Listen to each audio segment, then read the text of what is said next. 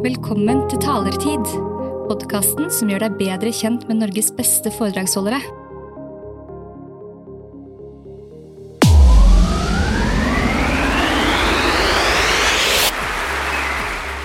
Wow.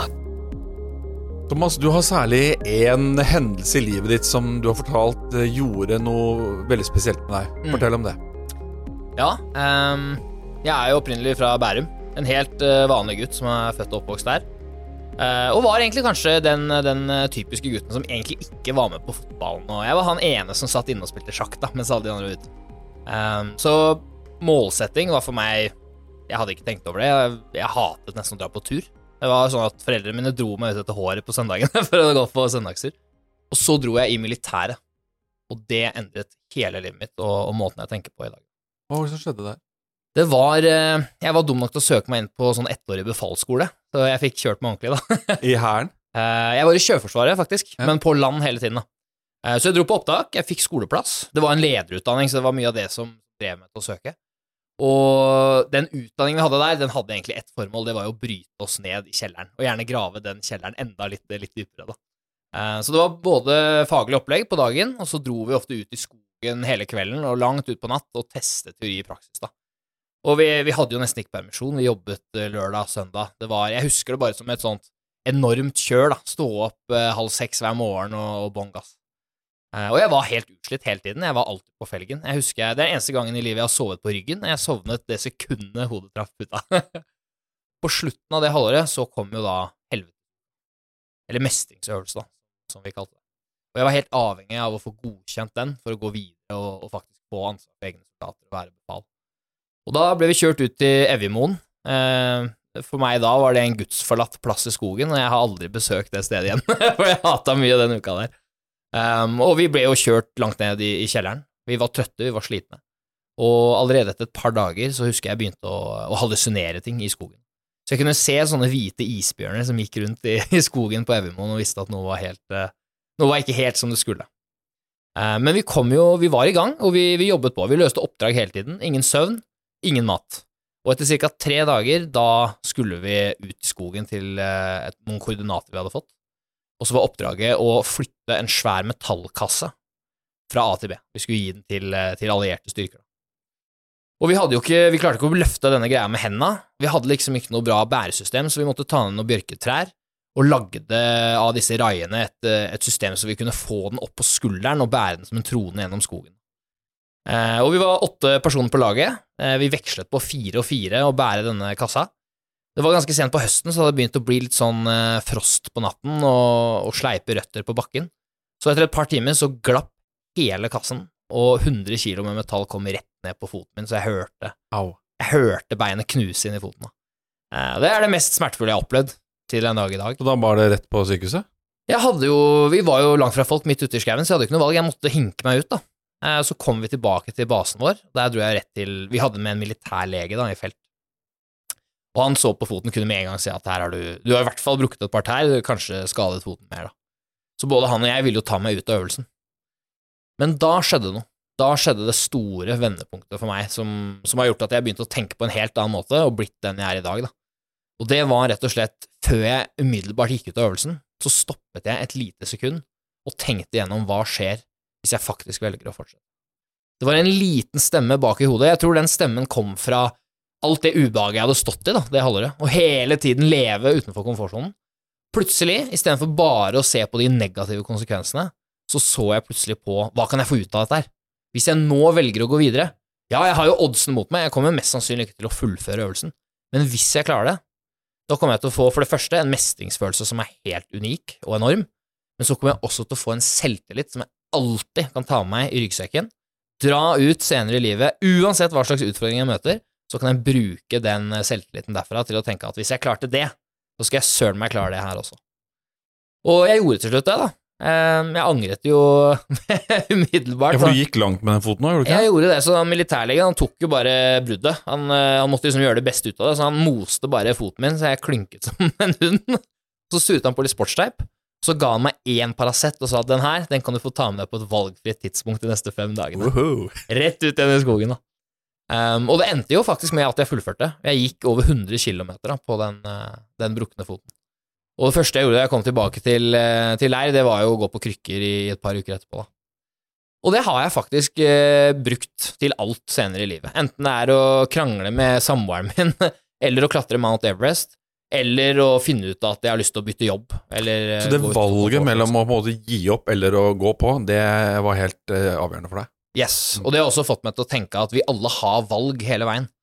Selv om vi kanskje ikke ser dem, så er det vi som bevisst velger å, å enten gjøre det trygge, gode, eller å faktisk gå utenfor komfortsonen der vi utvikler oss mest.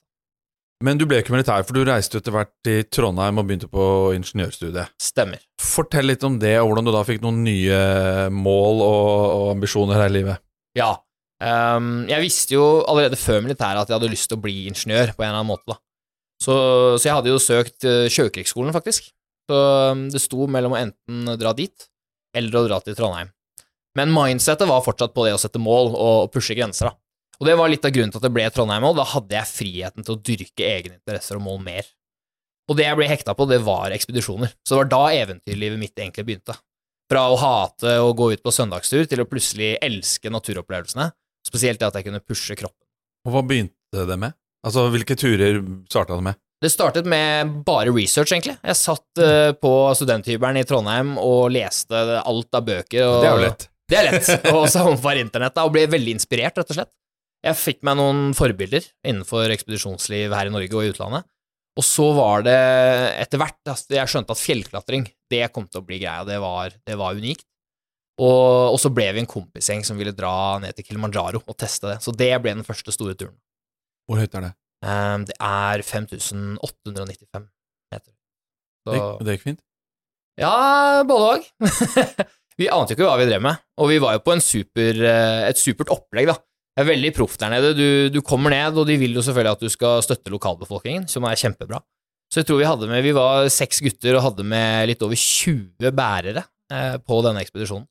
Så um, alt var linet opp med guider og alt. Eh, og på tross av det så fikk vi jo kjempehøydesyke og gikk altfor fort, og vi gjorde alle de klassiske tabbene, da. Um, så det var mye motgang og mye hat, måtte pusle litt grenser der òg, men vi nådde til slutt toppen, og det var bare en helt fantastisk mestring, da. Én ting var naturopplevelsen, men også å få til det sammen. Vi hadde så mye eierskap til det, så jeg skjønte at, uh, at dette må jeg ha mer av, da. Og da begynte toget å gå, så da var det hjem inn til Trondheim, gjøre noen eksamener, og så rett videre til, til Sør-Amerika, så balte det på seg derfra. Du klatret altså masse høye fjell mens du var student? Ja, så um, jeg har jo mens jeg studerte uh, gjort det som heter Seven Summits. Og Mount Everest er jo en del av den listen, og det er det høyeste fjellet på hvert kontinent. Og alt det gjorde jeg ved siden av studiene, så ble det kanskje et mål i seg selv, egentlig.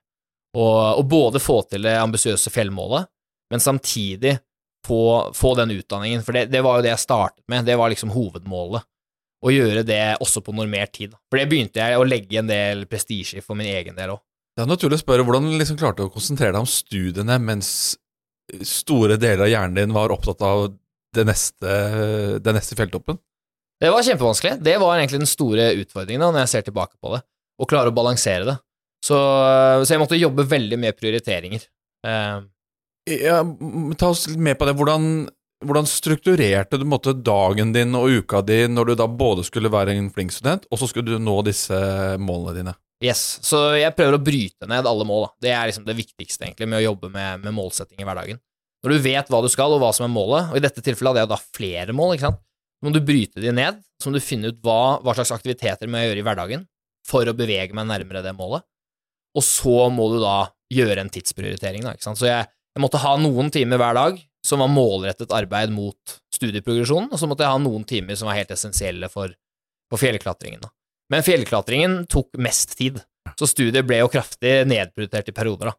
Så jeg, jeg ble en skippertaksperson. Jeg gikk jo marinteknikk, så det var jo god kultur for det, da. men, eh, men der var det kjør. Det var, eh, det var sånn at jeg ofte nesten ikke åpnet en bok helt fram til midten av november. Og så skulle vi jo avlegge fire eksamener tett i studiepoeng da eh, før jul, ikke sant. Så Hå- Håper ingen av professorene på NTNU hører dette her nå. At, eh, ja, de var jo med på det, vet du. så hadde jeg ikke fått med de, så, så hadde aldri gått heller. Så jeg, etter hvert så skjønte jeg at uh, social skills var jo like viktig her, å gå til professorene mine og be pent om Kan jeg få lov å komme med 13 obligatoriske øvinger i et helt kompendium? Så kom jeg med det da i midten av november. Vær så god, her er arbeidet mitt. Og så fikk jeg det rettet i løpet av en ukes tid, sånn at jeg fikk lov til å ta eksamen. da. Og hvor lang tidsperiode var det da fra du klatret på Kilimanjaro med vennene dine, til du hadde klatret alle verdens syv høyeste fjell? Det tok eh, tre og et halvt år. Hvor gammel var du da du kom på siste? Eh, da var jeg 24. Jeg ble 24 i, eh, i Everest Base Camp. der. Kan du fortelle hva, hvordan det kjentes å nå det målet? Ja, det, um, det er vanskelig, for det er eh, Den enkleste måten å beskrive det på er kanskje at hele følelsesspekteret er fulltent. Du fyrer på alle knapper samtidig. Du har en enorm lykke, selvfølgelig, en enorm mestringsfølelse, men umiddelbart da jeg sto på disse toppene, så kjente jeg også på eh, en viss frykt. Den tar deg ofte på toppen, for da har du på en måte gjort målet, og det eneste viktige er å komme deg trygt hjem til familien. Så da føler du på, på den frykten for å, å skade deg. Vi har sett et par av disse Everest-filmene, Ja, og, og la oss si sånn, jeg er ikke noen Everest-klatrer, men jeg har sett det ligger jo døde mennesker, vi snakker surstoffproblemer, vi snakker ekstrem fysiske utfordringer.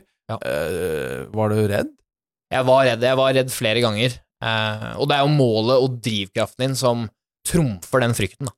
Men frykten er der, og det er bra at den er der, for det er den som gjør at vi skjerper oss og gjør sikkerhetsarbeidet så bra vi kan. Eh, og allikevel så er det noen risikoer vi velger å ta som, vi, som er utenfor vår kontroll. Vi vil alltid ha en viss objektiv risiko, eh, som at det kommer et snøskred, for eksempel. Og på vei mot Camp 3 så fikk vi et svært skred, det er det største snøskredet jeg har sett, som raste bare et par hundre meter forbi på siden av oss, da. Og det var bare flaks at skredet gikk der og ikke på oss, eh, som mest sannsynlig hadde vært fatalt, da. Så eh, du, du kjenner en del følelser på kroppen som jeg aldri har opplevd her i hverdagen, da. Men det gir deg også noe etterpå, det har, det har gitt meg så mye perspektiv og kontraster i livet, at jeg kan sette så mye mer pris på det å bare våkne opp i min egen seng og være tilfreds med hvor heldige vi er som bor i Norge, og dra ned hit og være på podcast med talerlisten og, og prate med deg, Nils. Det er helt fantastisk, da. Men Hva, hva syntes liksom mor og far på Jar om at du eh, klatrer ned i, i Himalaya med snøskred rundt deg? Det er jo ikke helt udramatisk for en forelder å forholde seg til. Nei, jeg har syntes eh, mye synd på de opp igjennom, da. Mye mer enn meg, i hvert fall. Spesielt mamma, stakkar. Hun, hun har sittet hjemme og Hun har vært redd, da. Hun har vært eh, ordentlig bekymret flere ganger. Eh, men heldigvis så mye, ikke, ikke så mye rundt turene, kun de dagene jeg har vært på vei mot toppen. Men spesielt på Everest så gikk jeg med en, en liten GPS-device, så mamma kunne sitte på nettet og følge med. Det var mange på, på Instagram hjemme i Norge som satt og fulgte med på denne lille pilen som bevegde seg oppover, da.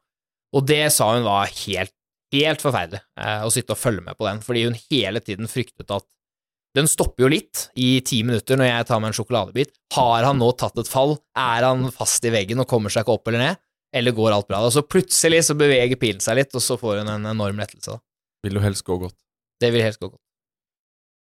Og så har du beveget deg videre med andre typer ekstremsportaktiviteter, og vi har ikke tid til å snakke om alle de, men kan du si litt om uh, dette mindsettet ditt som du da uh, lærte deg i militæret? Hvordan har du tatt det med deg videre når du skal velge nye aktiviteter? For du lever jo som en slags eventyrer. Ja, jeg liker jo å kalle meg selv det. Det var liksom den store drømmen også, da, å kunne bli en, kall det profesjonell eventyrer, og leve av, av livsstilen, rett og slett. da. Eh, og det er jo det jeg nå gjør som, som foredragsholder, og finner enorm trivsel i den rollen. Syns det er veldig gøy å, å reise rundt og prate, og, og være med å inspirere og endre andre folks liv også. Eh, for vi har alle i oss det valget om å søke etter det vi vil, og faktisk gå for det, da. Det er et bevisst valg vi alle har, men eh, det, veldig, det har veldig mye å si hvordan du tenker. Som du sier, dette mindsettet vi må bygge oss opp, det er alt, da. Hvordan du snakker til deg selv. Men det er litt med oss, fordi i foredragene dine så snakker du om også hvordan dette kan brukes på en arbeidsplass, på en bedrift som er i endring, på en skoleklasse, eller på ja, folk som har lyst til å gjøre noe med livet sitt. Kan du beskrive litt sånn kort hva skal til for å da komme ut av eh, vanene og det trygge og det, det gjenkjennelige, og til å eksempel nå noen fjelltopper, enten i konkret forstand eller i overført betydning? Absolutt. Alle har jo en topp i livet. Selv om alle ikke skal på Everest, så alle har en eller annen topp i livet. Og vi vet ikke alltid selv hva den er heller. Men mitt kanskje beste tips for å begynne å gå i nærheten av, av ditt mål, av din fjelltopp i livet, det er å, å rett og slett trene de mentale musklene. Det er en muskel, det også. Hvordan gjør man det? Og hvordan gjør man det? Man må begynne et sted. Man må begynne de små skritt, med små skritt, ikke sant? La oss ta et eksempel nå. Eh, La oss si jeg har lyst til om eh, La oss si jeg har lyst til å reise jorden rundt. Det er en Ja. drøm jeg har. Det er min fjelltopp. Hva ville du tipse meg til for å da få tid til Vi har ikke seilbåt engang. Hva, Yes. Hvordan skal jeg gå fram? Ja, du vil seile, ja? Ja, det er bra, det vil jeg også Ja. Eh, hvis du skal gjøre noe sånt, da, så er det jo For de fleste så er det jo veldig lang vei fra hverdag nå. Eh, barn som skal hentes i barnehage, jobb, masse forpliktelser som gjør det føles så Barrierene er enorme da, for å komme over barrieren og faktisk komme i gang med. Eh, så du må starte med å gjøre små skritt i retning av bare å kunne gjøre uforutsigbare ting i hverdagen. Det er en god start. Som for eksempel. Som for eksempel å Hver gang du kjenner på litt ubehag, hver gang du har et valg hvor du kan um, Et eksempel kan være på en arbeidsplass. Noe så enkelt som å tørre å gi en uh, direkte og ærlig tilbakemelding til en, uh, en medarbeider, en god kollega av deg. Uh, og det trenger ikke å være at dere har et dårlig forhold eller du er misfornøyd med den personen, bare det er et eller annet du merker i alle møtene den personen gjør som er litt ufint eller lite respektløst mot andre, eller lager en eller annen dårlig stemning mot kundene, for eksempel, så kan du gå inn og gi en ærlig tilbakemelding på det. Du risikerer da å kjenne på et skikkelig ubehag, kanskje personen avviser tilbakemeldingen med en gang, eller det kan hende personen faktisk godtar tilbakemeldingen, og dere får bare et enda bedre forhold, da. Uansett så har du valgt å stå i det ubehaget og gjøre noe litt uforutsigbart. Du er ikke lenger i din trygge ramme, du, du er nå åpen for å få en respons fra den personen. Så da beveger jeg meg på en måte Da beveger du deg. Ja, da utvikler du mindsetet. Det høres helt eh, nesten teit ut at det kan ha noe å si for å seile jorden rundt, men du må bygge opp et mindset over tid, at du føler det er en del av din identitet å bare gjøre uforutsigbare ting som hvermannsen syns kanskje er helt crazy å gjøre, ikke sant? Når du først har det som en del av identiteten din, da er det plutselig veldig kort vei til å si opp jobben, pantsette huset, kjøpe seg en seilbåt over reiseveien rundt. De tingene må være på plass, ikke sant? Men Vil du anbefale å holde disse planene litt for seg selv og planlegge godt på egen hånd, eller vil du anbefale at man eh, involverer andre i det? Ja, det har jeg også tenkt mye på. Eh, mange norske polarhelter, de har gjort det førstnevnte. Eh, det har vært liksom tradisjonen vår, å holde kortene tett til brystet. Roald Amundsen Han seilte vel fake, han, han seilte motsatt vei, gjorde han ikke? Ja, ikke sant? Han- Og det var jo ingen som skulle vite det. Sånn, Scott skulle jo ha minst mulig, minst mulig informasjon da, om, om stuntet de var i ferd med å gjøre der. Um, og det er litt sånn vi har sett også i moderne tid eh, med polarhelter i Norge, da. Uh, og selv om det ofte har vært litt av PR-hensyn og sånne ting, så vil jeg absolutt komme med en anbefaling i dag. Ikke gjør det. Si målet ditt til verden. Rop det ut til verden. Og grunnen til at jeg sier det, det er fordi med en gang du har sagt det, både til deg selv, først og fremst, men også til venner, familie og folk rundt deg, så vil du automatisk, bevisst eller ubevisst, begynne å gjøre de små livsstilsendringene i retning av målet ditt. Og det er sånne konkrete valg vi har når, når jeg da satt på hybelen oppe i Trondheim på en lørdag kveld, og altså, jeg sier ikke at jeg er redd for en fest, ja, altså, det var gøy, gøy å feste i Trondheim òg, men en lørdag når alle kompisene mine skulle ut for å drikke øl og kose seg på dansegulvet, da hadde jeg et helt konkret valg. Skal jeg gjøre det, eller skal jeg gå ut i skauen en kald, regnfull novemberkveld og dra på de jævla bildekkene i Bymarka? Det er ikke så spennende, men fordi Hva det valgte du? Og jeg valgte da, som regel, ikke alltid, men som regel så valgte jeg faktisk å gå ut i skogen og ta med meg bildekkene. Men visste kompisen da at du var på trening for å komme på ny topp? Yes, og det var, det var det som var hele essensen. Jeg hadde sagt, jeg hadde ropt ut til verden at jeg skal prøve på Seven Summits, jeg er villig til å gå all in for å få det til. Og da synes plutselig ikke folk det var rart at jeg dro ut i Bymarka og trakk disse bildekkene. Det ville jo vært helt galskap bare et år tidligere, ikke sant? Men for meg så var det nesten rarere å dra ut og drikke øl. For det var jo å si totalt nei til målet mitt. At, Nettopp fordi du hadde også Identiteten din var at du var i ferd med å bli eventyr, eller ville være det. Helt riktig. Ja, oppdager, eller ja. Ok, så ta små skritt som er ukomfortable, gjøre ting som, som lugger litt. Ja. Eh, rope ut til verden at du har et eller annet mål, slik at alle andre forstår det. Er det flere tips eh, når man skal eh, nå disse toppene? Ja, det, er- det er det som vi har snakket om, altså gå utenfor komfortsonen generelt, da. Ja, Det er det mange foredragsfolk som sier, Ja. og, men det kan høres ut som en klisjé. Hva, hva betyr det sånn Sånn egentlig, i praksis. Det, en veldig fin måte å si det på er å stå i et ubehag. Men vi kan jo snakke litt om hvorfor. Hvorfor skal vi egentlig stå i dette ubehaget? Ja. Det er jo ubehagelig. Vi har jo ikke lyst til det. Um, og det er noe jeg har tenkt veldig mye på. Det, det handler faktisk om læring. Det er så enkelt. Hvis vi er i komfortsonen, altså vi gjør lite uforutsigbare ting i hverdagen, da skrur vi av læringssenteret i hjernen. Det har gjort et veldig spennende eksperiment på prestisjeskolen Yale i USA, hvor de da har en grønn og en rød knapp, og det er, en, det er ikke mennesker, det er aper som får lov å trykke på grønn eller rød knapp. da. Så får de en appelsin, en belønning, hvis de eh, trykker på den grønne knappen i fire av fem tilfeller, 80% sannsynlighet. Hvis de trykker på den røde, så er det bare én femtedel sjanse for å få den. Hva gjør apene da? Og apene sitter og trykker febrilsk, som aper gjør, prøver å finne ut av dette her. Og da er hjernen helt skrudd på, læringssenteret er aktivert og trigget, og etter hvert så skjønner jo apene at når de trykker på den grønne, så har de større sjanse for å få appelsin. Så etter et par timer så sitter alle apene helt systematisk og trykker utelukkende på den grønne knappen. Og hva skjer i hjernen da? Og da er hjernen helt. Ikke helt, da. De tenker fortsatt litt, men læringssenteret spesielt har nesten mistet all aktivitet. Så forutsigbarhet er på en måte som gjør at hjernen, eller læringssenteret, sovner. Helt riktig. Og tenk på det som barn, ikke sant. Eh, Når du er oppvekst, når du er tenåring, alle ganger du gjør ting for første gang. Den første gangen du drikker en pils, den første gangen du kjører bil, den første gangen du har en fadderperiode. Det er helt fantastiske opplevelser. Ikke sant? Masse eufori, du lærer nytt, alt er nye impulser. Og når jeg drar på jobben nå, ikke sant, sitter på T-banen i Oslo, er, jeg må jobbe hardt med meg selv for å ta inn alle inntrykkene og impulsene, fordi jeg er så vant til det. Jeg har sittet på T-banen så mange tusen timer at det er ikke så spennende lenger. Jeg lærer ikke, jeg tar ikke tid. Og der er det viktig å gjøre forutsigbare ting for å aktivere hjernen. Det er da vi lærer, det er da vi utvikler oss. Da. Og hver gang vi gjør uforutsigbare ting, så er det ofte litt ubehagelig, ikke sant? Hver gang du prøver på noe nytt, så er det litt ubehagelig. Men hvor viktig er dette med belønning, da? Fordi uh, gå utenfor komfortsonen, det kan man i hvert fall prøve. Trenger man også å belønne seg selv? Har du gjort gjort det, for eksempel? Ja, det er altså et veldig bra spørsmål. Um, så det jeg pleier å si, som jeg har liksom grodd helt fast i mindsetet mitt, da, det er at når du gjør noe ubehagelig, nesten uansett hva det er, så kommer du til å få en belønning. Og det må du bare stole på. Gjør det til en del av religionen din. At hver gang du kjenner den derre øh, følelsen i magen, så bare gjør du det, og så stoler du på prosessen. Du stoler på at en eller annen dag down the road så kommer du til å høste fruktene av at du gjorde det. Og vi tar alltid ubehaget først, og så kommer belønningen etterpå. Og Det er derfor vi mennesker nesten aldri har den trade-offen, ikke sant? Hadde det vært motsatt, så ville jo alle gjort det. Eh, Så tør å stå i ubehaget, så kommer belønningen etterpå. Og så kan man i tillegg gi seg selv noen ekstra insentiver, da.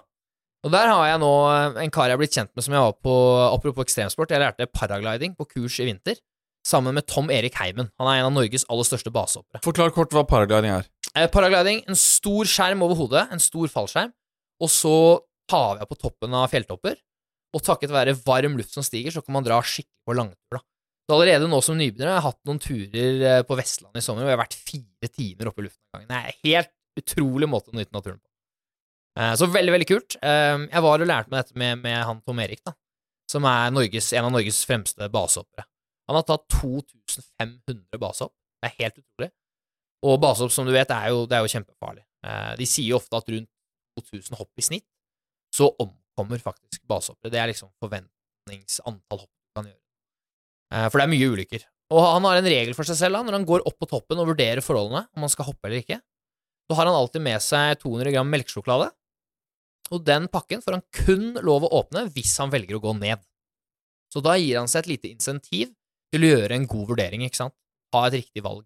Og det kan vi også gjøre i hverdagen med Det er mye bedre at du gir deg selv melkesjokoladen som en belønning for at du har vært ute og trent, enn at du bare spiser melkesjokoladen uten å trene. Så vi kan helt fint gi oss selv Mm. noen sånne små insentiver og triggerpunkter, Eh, fordi vi vet jo som regel at hvis vi går ut og tar den treningsøkten, spesielt når det er litt regn og litt dårlig vær, så føler vi oss jo helt fantastisk etterpå. Det vil veldig mange mennesker kjenne seg igjen. Men dørstokkmila er enorm, og det er fordi vi må stå i ubehaget med en gang, og så kommer belønningen etterpå. Så vi må rett og slett stole på prosessen, og her handler det gjennom å trene på de små skrittene, gjøre små ting i hverdagen. Noe så enkelt som at når du sitter hjemme på en lørdag morgen og egentlig burde sette på en klesvask, men du sitter allerede i sofaen og har begynt en eller annen ny serie eller et eller annet du ser på, så kan du bare ta den der Vet du hva, i dag, søren heller, nå bare reiser jeg meg opp, og så bare gjør jeg det! Nå går jeg bort, setter jeg på den jævla vaskemaskinen. En så liten, enkel ting, som da trener evnen din til å gjøre noe som er bitte litt ubehagelig, som du vanligvis ikke ville gjort.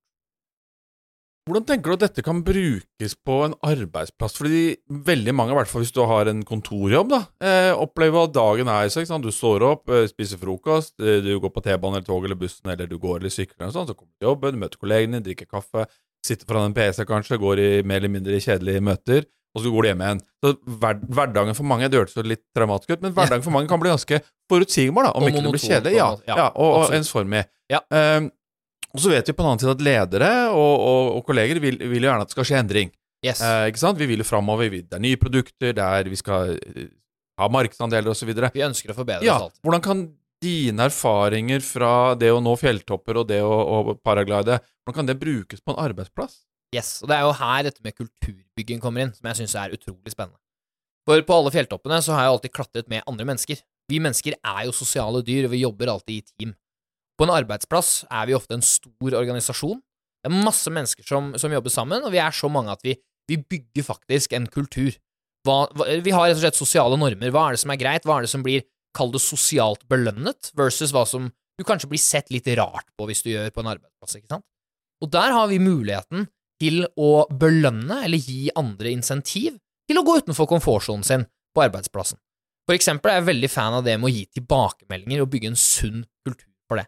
Fordi å gi tilbakemeldinger, i hvert fall hvis du ikke er trent i det, så er det ganske ubehagelig, for du må, du må risikere stoltheten din litt, du må legge stoltheten på bordet, så må du si det du mener ærlig, og så kan du bli møtt med en skikkelig avvisning, du kan miste ansikt, du kan få folk til å snu seg mot deg og føle at du kanskje til og med mister litt respekt. Så Derfor er det veldig typisk norsk å gå stille i dørene, er min erfaring. da. Men burde sjefer og ledere i større grad hjelpe folk å komme utenfor komfortsonen sin i hverdagen? Absolutt. Absolutt. Og jeg syns også det er viktig når man da gjør sosiale ting på jobb, teambuilding-aktiviteter, man er på en konferanse i utlandet eller på fjell i Norge eller hva det enn er, å gjøre da aktiviteter som også er litt utenfor komfortsonen. Kanskje man er, på, man er i Hemsedal på konferanse, og så skal man på eh, ha syvkamp ute, og en av øvelsene er å rappellere ned en, en femmeter fjellvegg. Og da syns jeg faktisk at eh, både de ansatte og også lederne kan tørre å, å pushe de ansatte litt til faktisk gjøre noe utenfor komfortsonen. Det er ikke sånn at på død og liv alle skal rappellere ned der, men å bygge en kultur for det vil gjøre det lettere, vil gjøre det lavere terskel for å gjøre lignende ting også i en faglig setting på arbeidsplassen. Da. Prøve fram ny teknologi. Det skal være lettere å få det gjennom til ledelsen. At du, du kommer opp med en god idé, du har en ny eh, mulig leverandør, en kul startup i Asia, som har laget et produkt som du mener kan gi verdiskaping hos dere. Og så faktisk gå til ledelsen og snakke om det, og få det gjennom, istedenfor å bli møtt med nei, vi gjør det samme som før, for det er det trygge og det gode, og vi vet allerede at, eh, at vi har nok omsetning i år for å få det rundt. Tørre å ta litt sjanser, tørre å gå utenfor komfortsonen. Ofte når man tenker på sånne fjellklatreeventyr, så tenker i hvert fall jeg på sånn Arne Næss og sånne gamle karer med, med grått hår Yes. og skjegg. Du er ikke 30 år engang, du har riktignok litt skjegg, men men, Litt skjegg. eh, men så har du allerede altså klatret på verdens syv høyeste fjell, du har allerede en del fallskjermhopp bak deg, og du, du driver med paragliding. Hva slags eh, og så La oss si du lever til du er 90, da.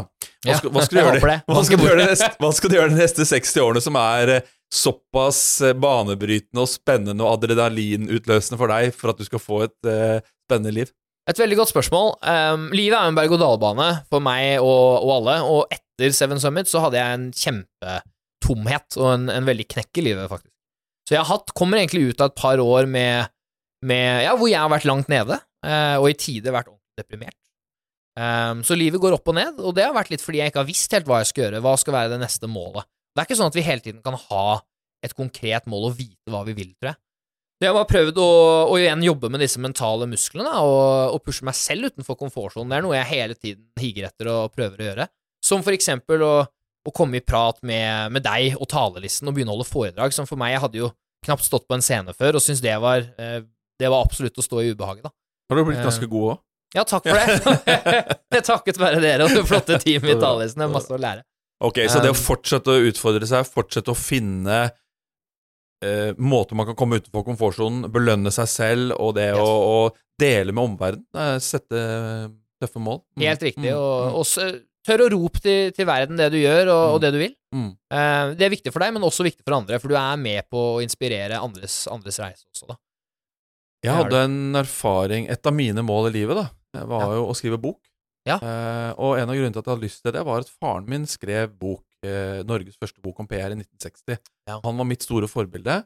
Han døde tidlig, og, og jeg tenkte jeg har lyst til å skrive en sånn bok. Ja. Og det klarte jeg, men et av triksene jeg brukte, og det var jo før jeg traff deg, det var å fortelle det til mange mennesker. Yes. Jeg skal skrive bok, jeg skjønner det. Jeg skal skrive bok. Og så til slutt begynte folk å spørre når kommer boka di, Nils? Nettopp. Blir det bok? Og så tenkte jeg at nå må jeg gjøre det. Eh, og så begynte jeg å sette meg ned tidlig om morgenen før jeg dro på jobben, begynte å skrive, satte meg på hytta og skrev. Altså, jeg, jeg klarte å få de vanene inn for at jeg skulle få boken ferdig. Så satte jeg en tidsfrist, Eh, I mai 2007 skulle den boka være ferdig, og jeg klarte det. Yes. Og jeg husker den situasjonen hvor jeg hadde lanseringsfest med bløtkake, familie, venner, kolleger, kunder og sånt til stede. Det var jo fantastisk. Eh, å lese anmeldelsen av boka si i fagblader osv. Så, videre. så den modellen du beskriver, med da å rope ut til verden, ta de vanene, gå utenfor komfortsonen eh, og, og, og finne seg rutiner for å nå mål, det høres ut som en eh, i hvert fall en oppskrift jeg kan kjenne meg inn i. da. Og jeg kjenner meg også veldig igjen i det du sier, at det er en litt sånn tung prosess i starten, men så når du først er i gang, når du først setter den eh, tidsfristen, det er deadline, da skal jeg levere boken, da er du i en sånn en god flow, det bare flyter naturlig av seg selv. Og det, er, det handler ofte litt med, spesielt med hårete mål, da, som å skrive en hel bok eller klatre et av verdens høyeste fjell, så må du være i en sånn god flow for å komme i mål. Og det tar litt tid å komme inn i den, men når du er i den, da er livet helt fantastisk. Alt er på skinner, og du føler at du, du driver full selvrealisering med noe du brenner for. Det er, det er vanskelig å beskrive. Og når kommer boka di? Ja, det er også et godt spørsmål. Jeg har ikke begynt. Jeg har ikke begynt å skrive før jobb om morgenen engang. Um, men jeg prøver hele tiden å, å gjøre nye ting, litt som luftsporten nå. Fordi da, da tror jeg også at man øker sjansen for å finne sin neste topp. Så jeg aner ikke hva jeg skal drive med de neste 60 årene, men jeg, uansett hva jeg skal gjøre, så skal jeg fortsette å pushe komfortsonen min og gjøre nye ting, få nye impulser og, og lære. Det er viktig. Nå skal du få en utfordring her nå. Innen du er 40, så vil jeg gjerne se enten en bok eller en film om eh, Thomas Lone sitt liv. Skal vi si det? Det er en deal. Da tar vi en liten eh, på det. En liten uh, fistbump på den. Takk for at du kom. Tusen takk for å være her. Veldig hyggelig. Takk for at du lytter til Talertid. Du kan lese mer om denne episodens gjest på talelisten.no. Har du spørsmål eller ønske om en gjest vi bør snakke med? Send en e-post til nils at talelisten.no. Talertid. Bak scenen med Norges beste foredragsholdere.